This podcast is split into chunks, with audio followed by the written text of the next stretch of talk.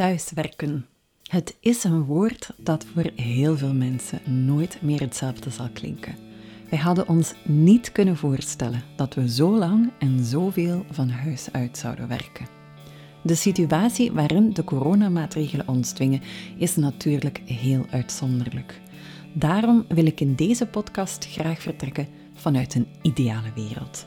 Wat zijn de voordelen en de valkuilen van thuiswerken? Moeten bedrijven anders gaan werken? Wat kunnen we zelf doen om ons goed te voelen terwijl we van huis uit werken? Kunnen sommige mensen beter van huis uit werken dan anderen? Ik leg mijn vragen voor aan professor Elke van Hoof, verbonden aan de VUB. Zij schreef recent een boek Eerste hulp bij thuiswerken, waarin ze wetenschappelijk inzicht bundelt met observaties en ervaringen uit de praktijk.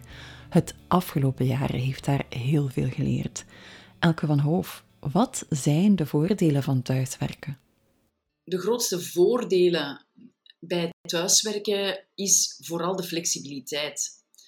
De flexibiliteit, zowel voor werkgever als voor werknemer. Um, voor werkgever is dat eigenlijk het beter kunnen winnen van de war for talent bijvoorbeeld. Hè, want soms zitten er geweldige talenten of een geweldige match tussen werkgever en werknemer, maar is de, de afstand eigenlijk veel te groot hè, om, om eigenlijk het woon-werkverkeer leefbaar te maken. En door echt te gaan kiezen voor thuiswerken, remote working of home-based working, zoals dat, dat ook wordt genoemd, uh, kan je dat eigenlijk overkomen. Um, dus flexibiliteit voor werknemers vooral ook hè, beter kunnen afstemmen van uw werkregime aan uw leefregime. Afhankelijk van of dat je jonge kinderen hebt, oudere kinderen hebt, eventueel mantelzorger bent, zorg voor een ziek persoon uit de familie, geeft toch wel veel meer mogelijkheden. Bovendien, wat dat we ook zien, is dat er eigenlijk een verhoogde productiviteit is wanneer dat op een zeer goede manier wordt ingebouwd. Ik hoor u zeggen, als dat op een heel goede manier wordt ingebouwd, wat zijn de valkuilen voor thuiswerk? Ja, de allergrootste valkuil is natuurlijk dat een bedrijf kiest voor thuiswerken omwille van geldbesparing. Hè.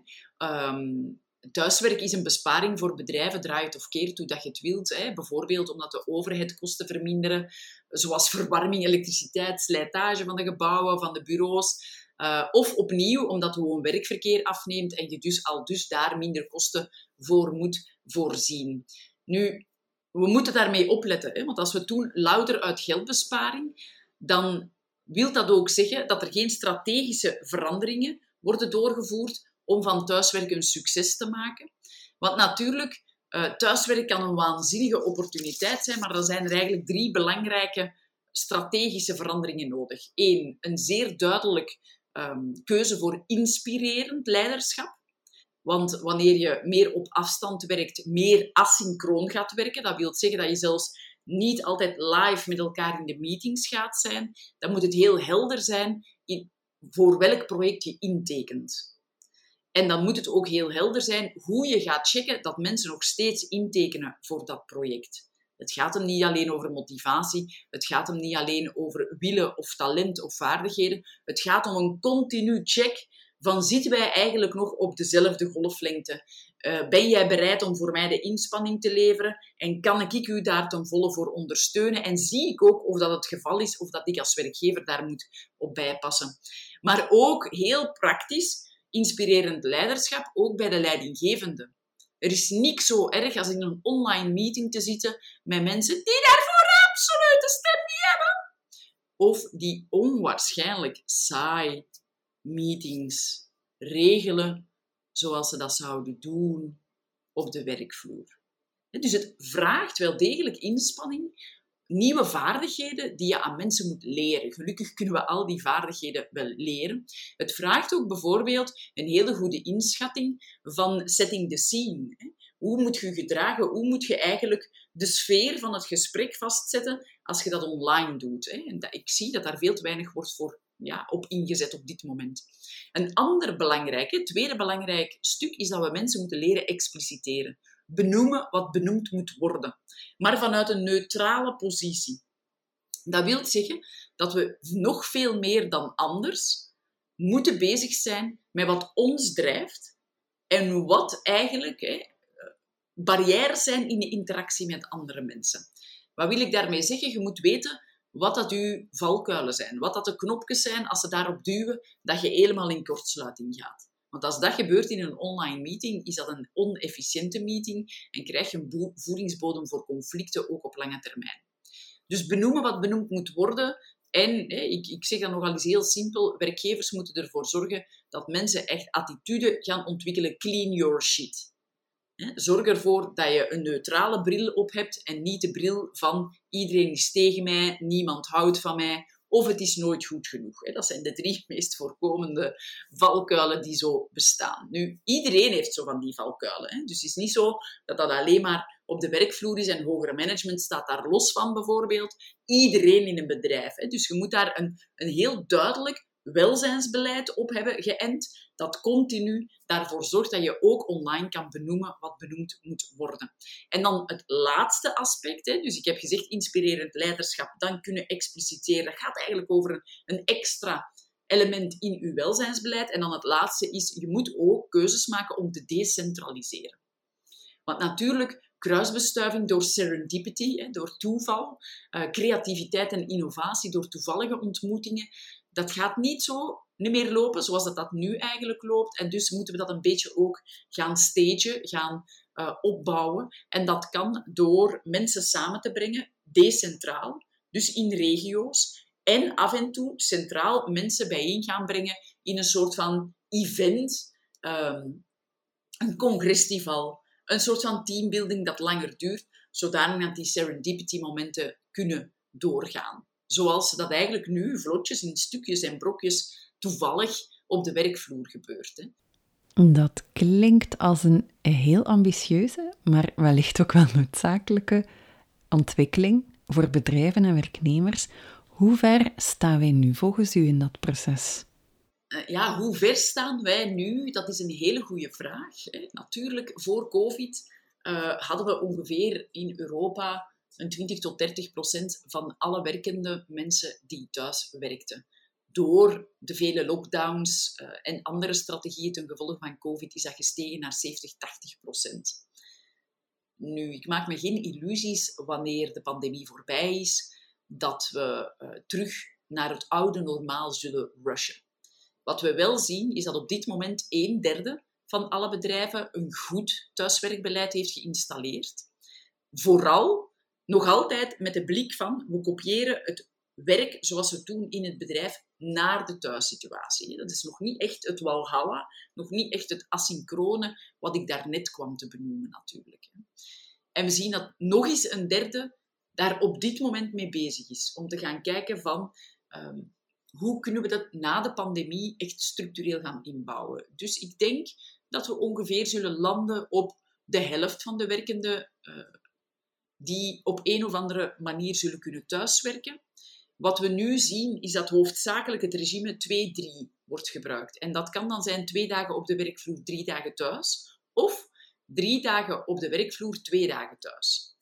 Waarbij ik wel zie dat er bij de helft van die bedrijven die ermee bezig zijn een zeer goede uh, tendens bezig is. Met name wanneer mensen thuiswerken ook voldoende tijd te voorzien voor focussen en niet van s morgens tot s avonds nog eens gaan vullen met online meetings, maar daar echt toelaten om gefocust te werken, productief te werken, innovatieve ideeën te gaan uitdenken, al dan niet in kleinere groepjes. En dat vooral wanneer mensen op de werkvloer zijn, dat daar wordt gefocust op teambuildingsactiviteiten, de meetings waarbij men nog altijd denkt dat iedereen aanwezig moet zijn en wat we noemen ook kruisbestuiving door innovatie. Die toevalligheden, wat ik daar net ook kwam te benoemen, dat men dat daar expliciet probeert te gaan zetten. Dus de tendens is positief. U heeft het al een aantal keer gehad over het Valhalla, Elke van Hoof. Dat maakt mij wel nieuwsgierig.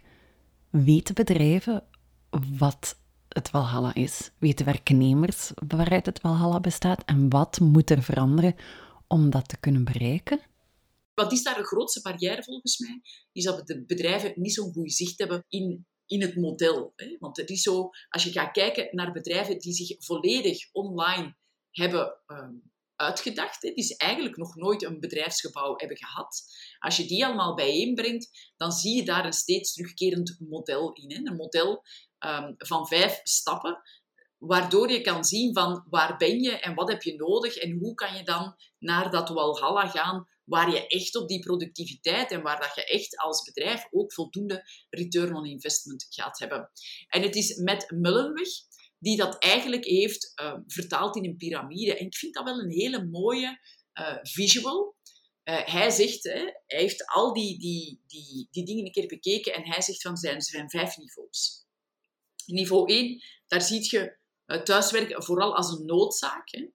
Um, tijdens een lockdown, verplicht door de overheid. We moeten met z'n allen gaan, van thuis uit noodgedwongen aan de slag gaan. Um, maar het kan ook zijn noodgedwongen, buiten de pandemie, dat je de toelating hebt om thuis te werken omdat er een loodgieter komt of omdat ze iets komen leveren. De werkgever laat dat met andere woorden schoorvoetend toe. Het is niet hè, vanuit uh, de wens, maar hè, voor ene keer, allez, kom, het is goed. Maar de werkgever en, en hebben daar nog altijd wat te veel de tendens van wie weet wat werknemers thuis aan het doen zijn. Uh, en opletten met precedenten scheppen. Hè. Dus het is nog altijd een beetje in een verkeerde mindset van als mensen thuiswerken, dat ze eigenlijk losgeslagen projectielen zijn en eigenlijk met andere dingen bezig zijn, behalve met het werkje. En dan heb je niveau, niveau 2, dat is een trapje hoger. Daar gaat men het kantoor nabootsen thuis. Hè. Eh, bijvoorbeeld de klassieker daar is dat je moet inbellen in Skype zodanig dat we wel kunnen zien dat jij aan uw bureau zit. dat is zo'n niveau 2. Uh, Big Brother is watching you. Uh, de werkgever vertrekt niet zozeer echt vanuit wantrouwen, maar wil eigenlijk gewoon via de online tools ervoor zorgen dat dezelfde werkcontext wordt gecreëerd. Als jij op een, landschapsbureau zit met meerdere mensen in je team, ja, dan gaat je dus gezellig met z'n allen in uh, Skype, in Zoom, in Teams zitten te werken hè, terwijl dat je op je bureau bezig bent. Het is niet echt een troef voor productiviteit. Laat me dat even duidelijk zetten. Maar de kern is hier dat je je beschikbaarheid en je bereikbaarheid altijd correct moet aangeven. En dat je ook back-to-back gaat liggen vergaderen. Er wordt geen rekening gehouden met momenten van focus. Alles gebeurt eigenlijk zoals op de kantoor.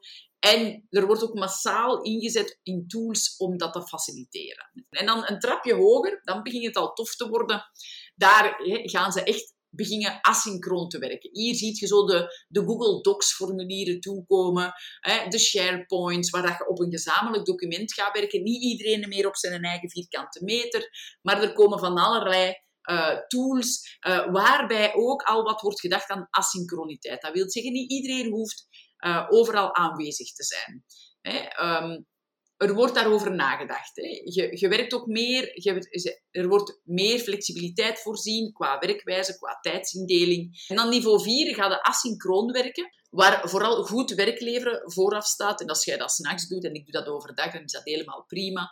De communicatie, het vertrouwen en de autonomie is helemaal uitgebouwd. Mensen hebben daar trainingen voor gekregen. Leiderschap, alles is afgestemd op asynchroon werken ook het bonussysteem. Want natuurlijk, een valkuil bij heel wat thuiswerk is dat dat een, een weerslag kan hebben op je carrière. Omdat promotie natuurlijk ook gelinkt is aan visibiliteit, aan het netwerk kunnen uitbouwen. Maar het is nog altijd wel zo. En onderzoek wijst dat ook uit. Als je telewerk doet, um, op die eerste drie niveaus, ja, dat dat een impact gaat hebben op uw promotiekansen en uw carrière. In niveau 4 en 5 is dat niet zo, want daar gaat men ook bonussen en promoties afstemmen op um, ja, ideeën, op uw bijdrage aan innovatie, op uw bijdrage aan creativiteit, maar ook uw, niveau van autonomie, hoeveel um, beslissingen jij zelf durft te nemen en hoe dat die beslissingen bijdragen tot het doel.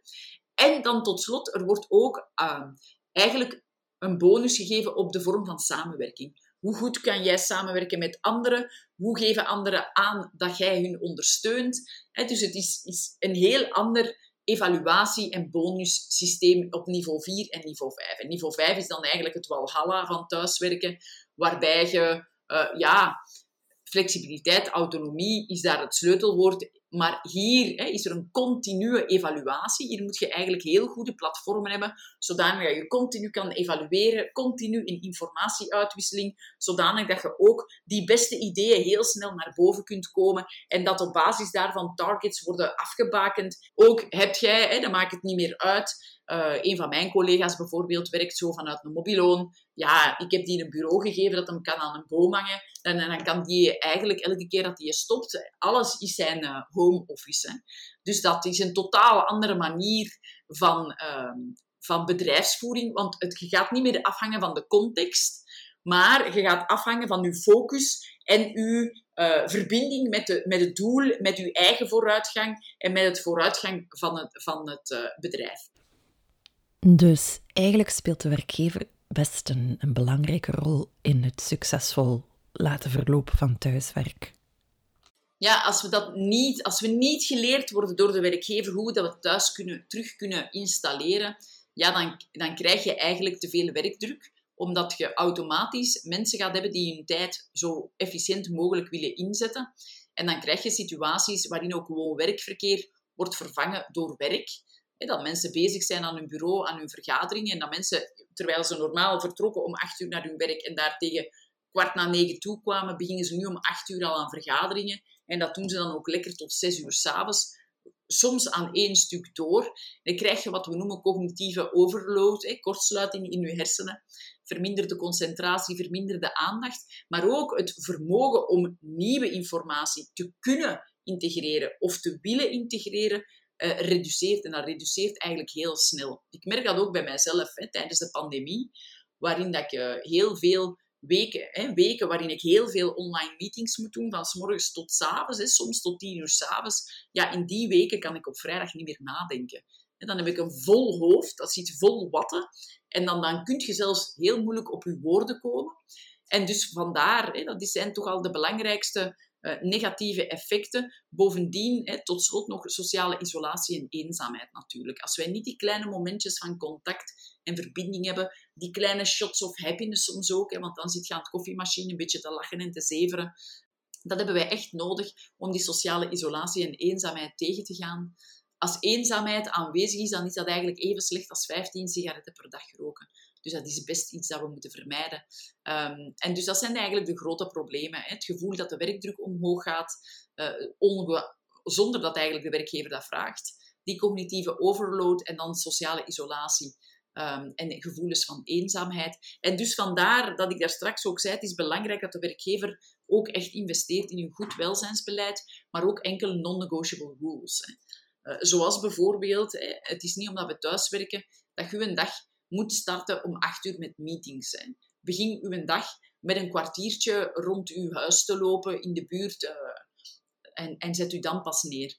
Tijdens lunch bijvoorbeeld geen meetings zetten gedurende minstens 45 minuten, zodat mensen iets kunnen eten en een wandeling kunnen maken. En sluit u een dag af, ook met een wandeling, korte wandeling van 10 tot 15 minuten. Heb de jonge kinderen, pak die dan mee, want die hebben daar ook wel best nood aan wanneer zij uh, thuis moeten werken of online moeten werken. Um, dus we moeten opnieuw, hè, komen dan terug op het feit van het is aan de werkgever om de werknemers eigenlijk te leren hoe het dan thuis kan. Ik hoor u zeggen dat een belangrijke verantwoordelijkheid toch wel bij de werkgever ligt. Wat als onze werkgever ook in het proces zit of niet in staat is om ons die ondersteuning te geven die wij nodig hebben? Wat kunnen wij zelf doen van huis uit als werknemer om, om onze balans te proberen bewaren en bewaken? Als werknemer denk ik dat het bijzonder belangrijk is om structuur te houden, structuur te creëren. Um, een duidelijke een structuur creëren, zodanig dat uw dag een beetje voorspelbaar en transparant is, eventueel ook uw week, zodanig dat je die shots of happiness, die kleine momentjes, ook gaat zoeken. En in plaats van die altijd online te doen, telefoneert een keer met uw collega's. Of hè, meetings die je uh, één op één doet, doet die al wandelend, terwijl dat je met je smartphone uh, hè, je oortjes in en dan kun je al wandelend buiten. Dat gaat ook. Of spreek zelf af. Hè. Ga eens kijken op intranet binnen het bedrijf wie in jouw regio uh, woont en spreek af om uh, één keer per week een wandeling te doen van 20 minuten over de middag. Zo leerde ook eens nieuwe collega's en heb je weer zo'n moment van kruisbestuiving. Maar zet dat in de structuur. Een structuur zodanig dat je niet vergeet om naast uw werk goed voor uw uh, verbinding met het bedrijf te zorgen. En dan ten derde, zorg daar ook momenten van me-time, momenten van zelfzorg. Uh, want anders vergeten we dat ook. En dat is niet omdat wij allemaal lui zijn of dat wij slechte intenties hebben, dat wij ervan uitgaan, wij hoeven niet goed te zorgen voor ons. Maar dat is ook, als je in een bedrijf zit en je zit bij je collega's, dan is dat ook een beetje peer pressure natuurlijk. Hè. En, en dat vervalt ook als je thuis zit. En door die eh, structuur te bouwen, kun je dat eigenlijk wel wat opvangen. En dan in die structuur zorgen voor een goede breuklijn tussen uh, werk en privé, door uh, bijvoorbeeld ervoor te zorgen, als je geen aparte home office hebt en je werkt op je livingtafel, uh, ja, verandert dan het tafelkleed bijvoorbeeld van kleur. Zodanig dat je visuele cues hebt als je gedaan hebt met werken. Doe dat rood tafelkleed weg, leg er dan een blauw op of omgekeerd. Hè, dat u, u, u ja, uw cues in uw living veranderen. Want anders dan geraakt eigenlijk heel uw thuissituatie geïnfecteerd door werkcues. Hè. Uw pc ligt daar misschien nog ergens. Je hebt daar misschien nog papier liggen of een agenda liggen. En overal waar je ziet, ja, begin de te denken, dingen te zien die u herinneren aan werk. En dat maakt dat uw hersenen in een soort van verhoogde staat van paraatheid blijven. En dat kan niet de bedoeling zijn. Dus ruim ook elke keer al uw werkmateriaal op. Dus nood in, in, ja, in een rugzak. En, en hou die structuur. Uh, om, en, en die discipline om dat te doen, verander de visuele cues, zodanig dat je goed kunt ontspannen na een werkdag thuis. Iets waar veel mensen over klagen en waar ik ook zelf mee worstel is het online vergaderen. Heeft u aandachtspunten, tips om dat efficiënter te laten verlopen? Ook vergaderingen online. Eh, stop met vergaderingen te doen van twee, drie uur. Hè. Dat is echt affreux.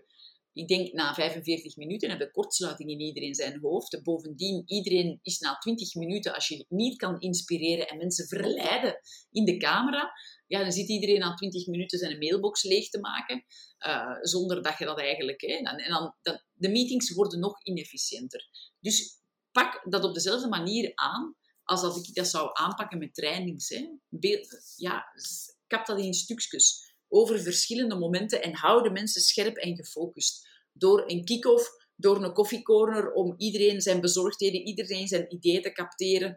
Om dan een korte keynote van situatie S is, is als volgt. 15 minuten presentatie, gevolgd door een uur later een koffiecorner van 15 minuten, om, zodanig dat iedereen dat heeft kunnen laten bezinken en kunnen denken van oké, ik zit nog wel met die vraag, ik zit nog wel met die vraag, daar heb ik nog niks van gehoord, zodanig dat daarop kan teruggekomen worden. En dan eventueel nog een keynote van waar willen we naartoe en dan een brainstorm bijvoorbeeld. Maar ik heb dat in stukjes zodanig dat mensen gefocust knallen op één aspect. Één focuspunt.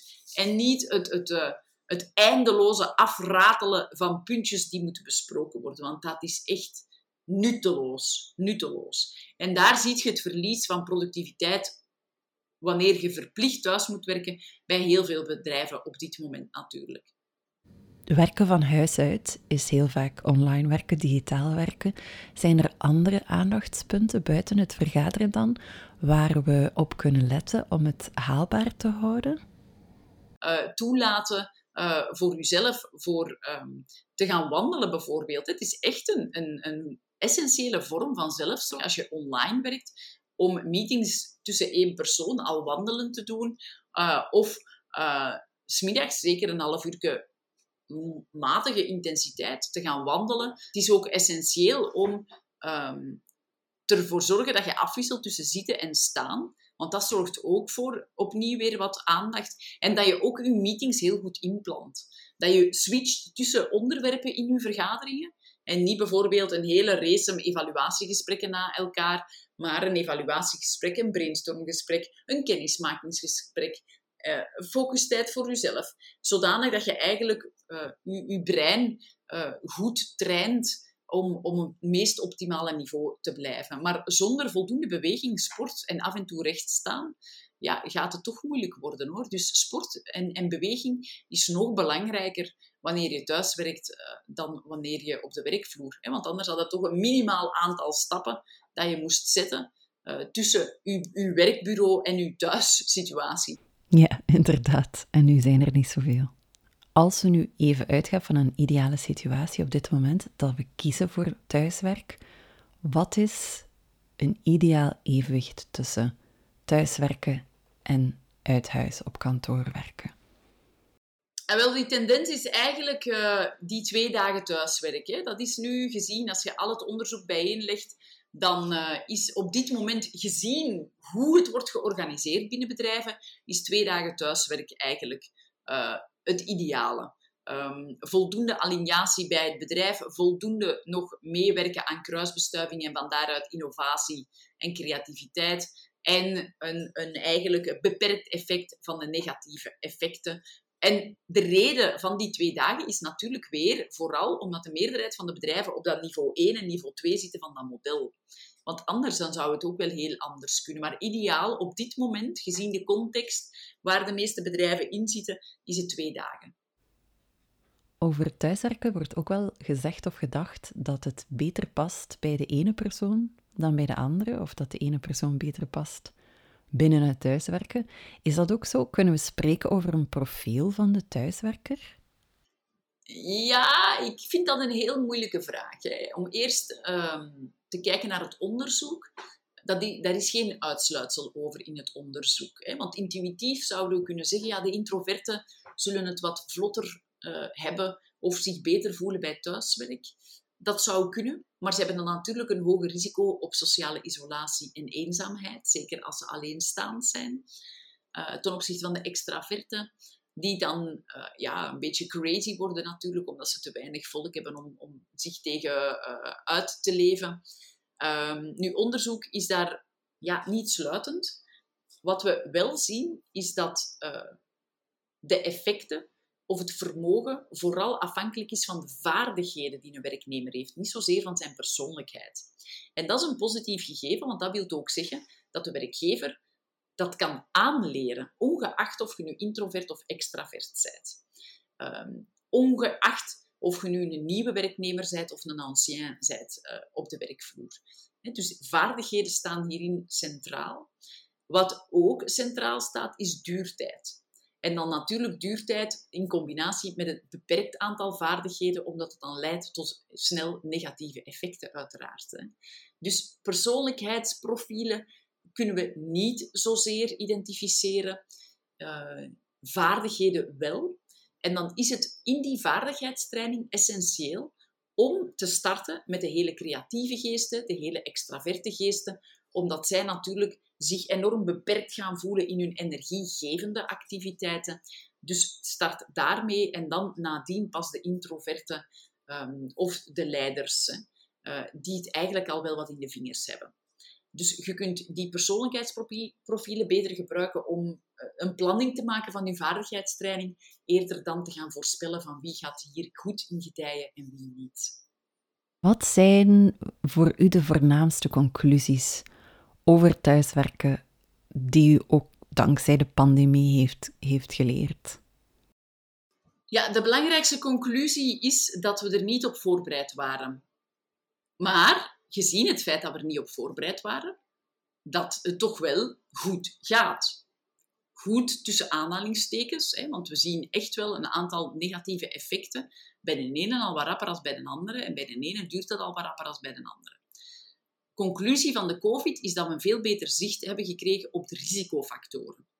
Mensen die alleenstaand zijn, mensen met een beperkte variëteit in hun takenpakket. Die hebben het natuurlijk ook moeilijk, want die moeten altijd maar hetzelfde doen. Mensen hè, waar toxische uh, werksituaties. Want natuurlijk, als je niet kan benoemen en niet kan expliciteren benoemen wat benoemd moet worden, omdat het veel te toxische werksituatie is, ja, dan wordt het ook problematisch. Als je van thuis moet eh, werken terwijl je partner bij je zit en, en uh, die luider praat als jij, dan heb jij continu eigenlijk de, de slechtst mogelijke uh, landschapsbureau hè, ever.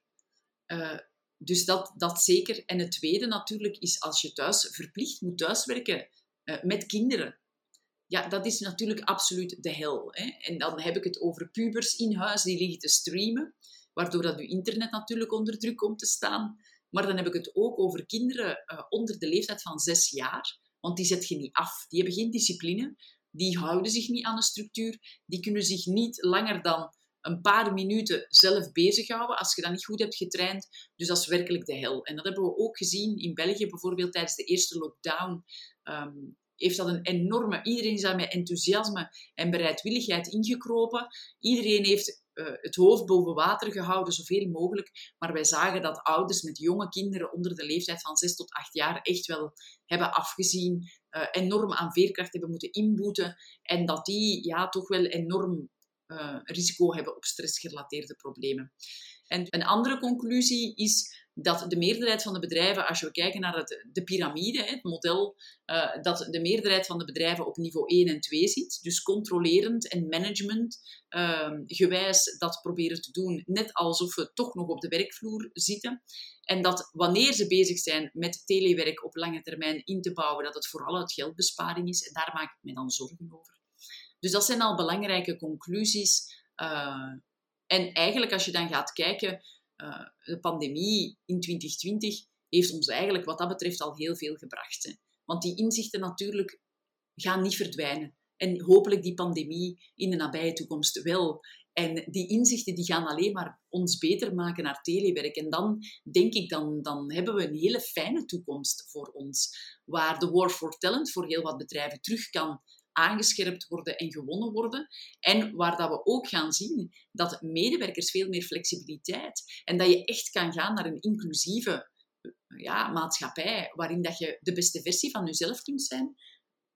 Ja, onafhankelijk van je levensfase waarin dat je zit. Net omdat die autonomie en die flexibiliteit de kern wordt van, uh, van de bedrijfsvoering. En dat, dat denk ik toch, voor mij is dat de belangrijkste conclusie. Uh, er zit een schuil een grote opportuniteit in de hel waarin dat sommigen onder ons nu, vandaag, in die pandemie nog zitten. Maar weet hè, dat, dat uh, die inzichten die daaruit komen, ja, dat dat voor de komende honderd jaar een meerwaarde gaat zijn. En dat vind ik toch wel een heel fijn, uh, heel fijn perspectief. Ja, inderdaad.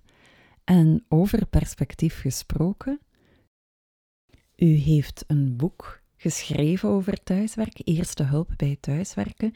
Nu, ik kan me voorstellen, zo'n boek vraagt veel voorbereiding, dat u daar waarschijnlijk al mee bezig was, nog voor er van corona sprake was. Waarom was er nood aan een boek over thuiswerk? Ja, net omdat ik uh, natuurlijk vanuit welzijnsbeleid op de werkvloer um, zag je die tendens komen en tegelijkertijd, parallel daaraan, dat ik eigenlijk continu aan het nadenken ben van ja, hoe kan je nog welzijnsbevorderend werken? Wat met al die levensfasen? Want uit onderzoek naar welzijn kwam dat, komt dat ook altijd terug naar boven. Jonge ouders hebben het moeilijker. Uh, oudere werknemers willen meer tijd voor op hun kleinkinderen te gaan passen. Uh, de, de, de middenmoot die dan en huistuin, boompje liggen te verbouwen, pas getrouwd zijn, aan kinderen beginnen, waarvan dat we wisten dat dat tweede kind echt een kantelpunt is als het gaat om stressgerelateerde problemen. Dus die levensfases, die kwamen altijd maar naar voren. En ja, ik was toch al wel een tijdje bezig aan het denken van ja, hoe, hoe, hoe kunnen we die levensfase minder van invloed laten zijn. Want dat kun je natuurlijk als werkgever niet controleren. Je, kunt onmogelijk zeggen tegen mensen van, uh, of hou je benen toe, als je hier carrière wilt maken, benen toe, geen kleine kinderen de eerstkomende vijf jaar. Dat, is, dat kan niet. Dat kan niet. Of als je hier wilt werken, ja, hè, maar dan mogen je niet verbouwen de komende tien jaar, want anders gaat er geen carrière. Dat, dat werkt gewoon niet. Dat, is, dat gaat niet. En dus moesten we iets anders hebben. En, en dan komt al heel snel op telewerk natuurlijk. Uh, telewerk, eh, maar ook uh, dus vanuit die levensfase en vanuit die, vandaar meer flexibiliteit en het kunnen gaan aanpassen. Nog bovenop al die cafetaria-plannen die ingang begonnen te krijgen. En dan natuurlijk het eeuwig hoge vraagstuk, uh, eeuwigdurend van autonomie. Hè? Hoe geef je mensen echt het gevoel van autonomie? Hoe kunnen we mensen aanleren dat autonomie belangrijk is en dat ze dat bij zichzelf moeten leren? Want we gaan er in het ABC van de psychologie wel vanuit dat autonomie een van de kernelementen is. Maar niet iedereen vraagt dat. Hè. Er zijn heel veel mensen, ongeveer de helft van alle werkende mensen, wil gewoon een lijstje van to-do's om dat af te werken tussen 9 en 5 en laat me voor de rest alsjeblieft gerust. Zodanig dat ze gevoelens van autonomie buiten de werkplek kunnen gaan ervaren.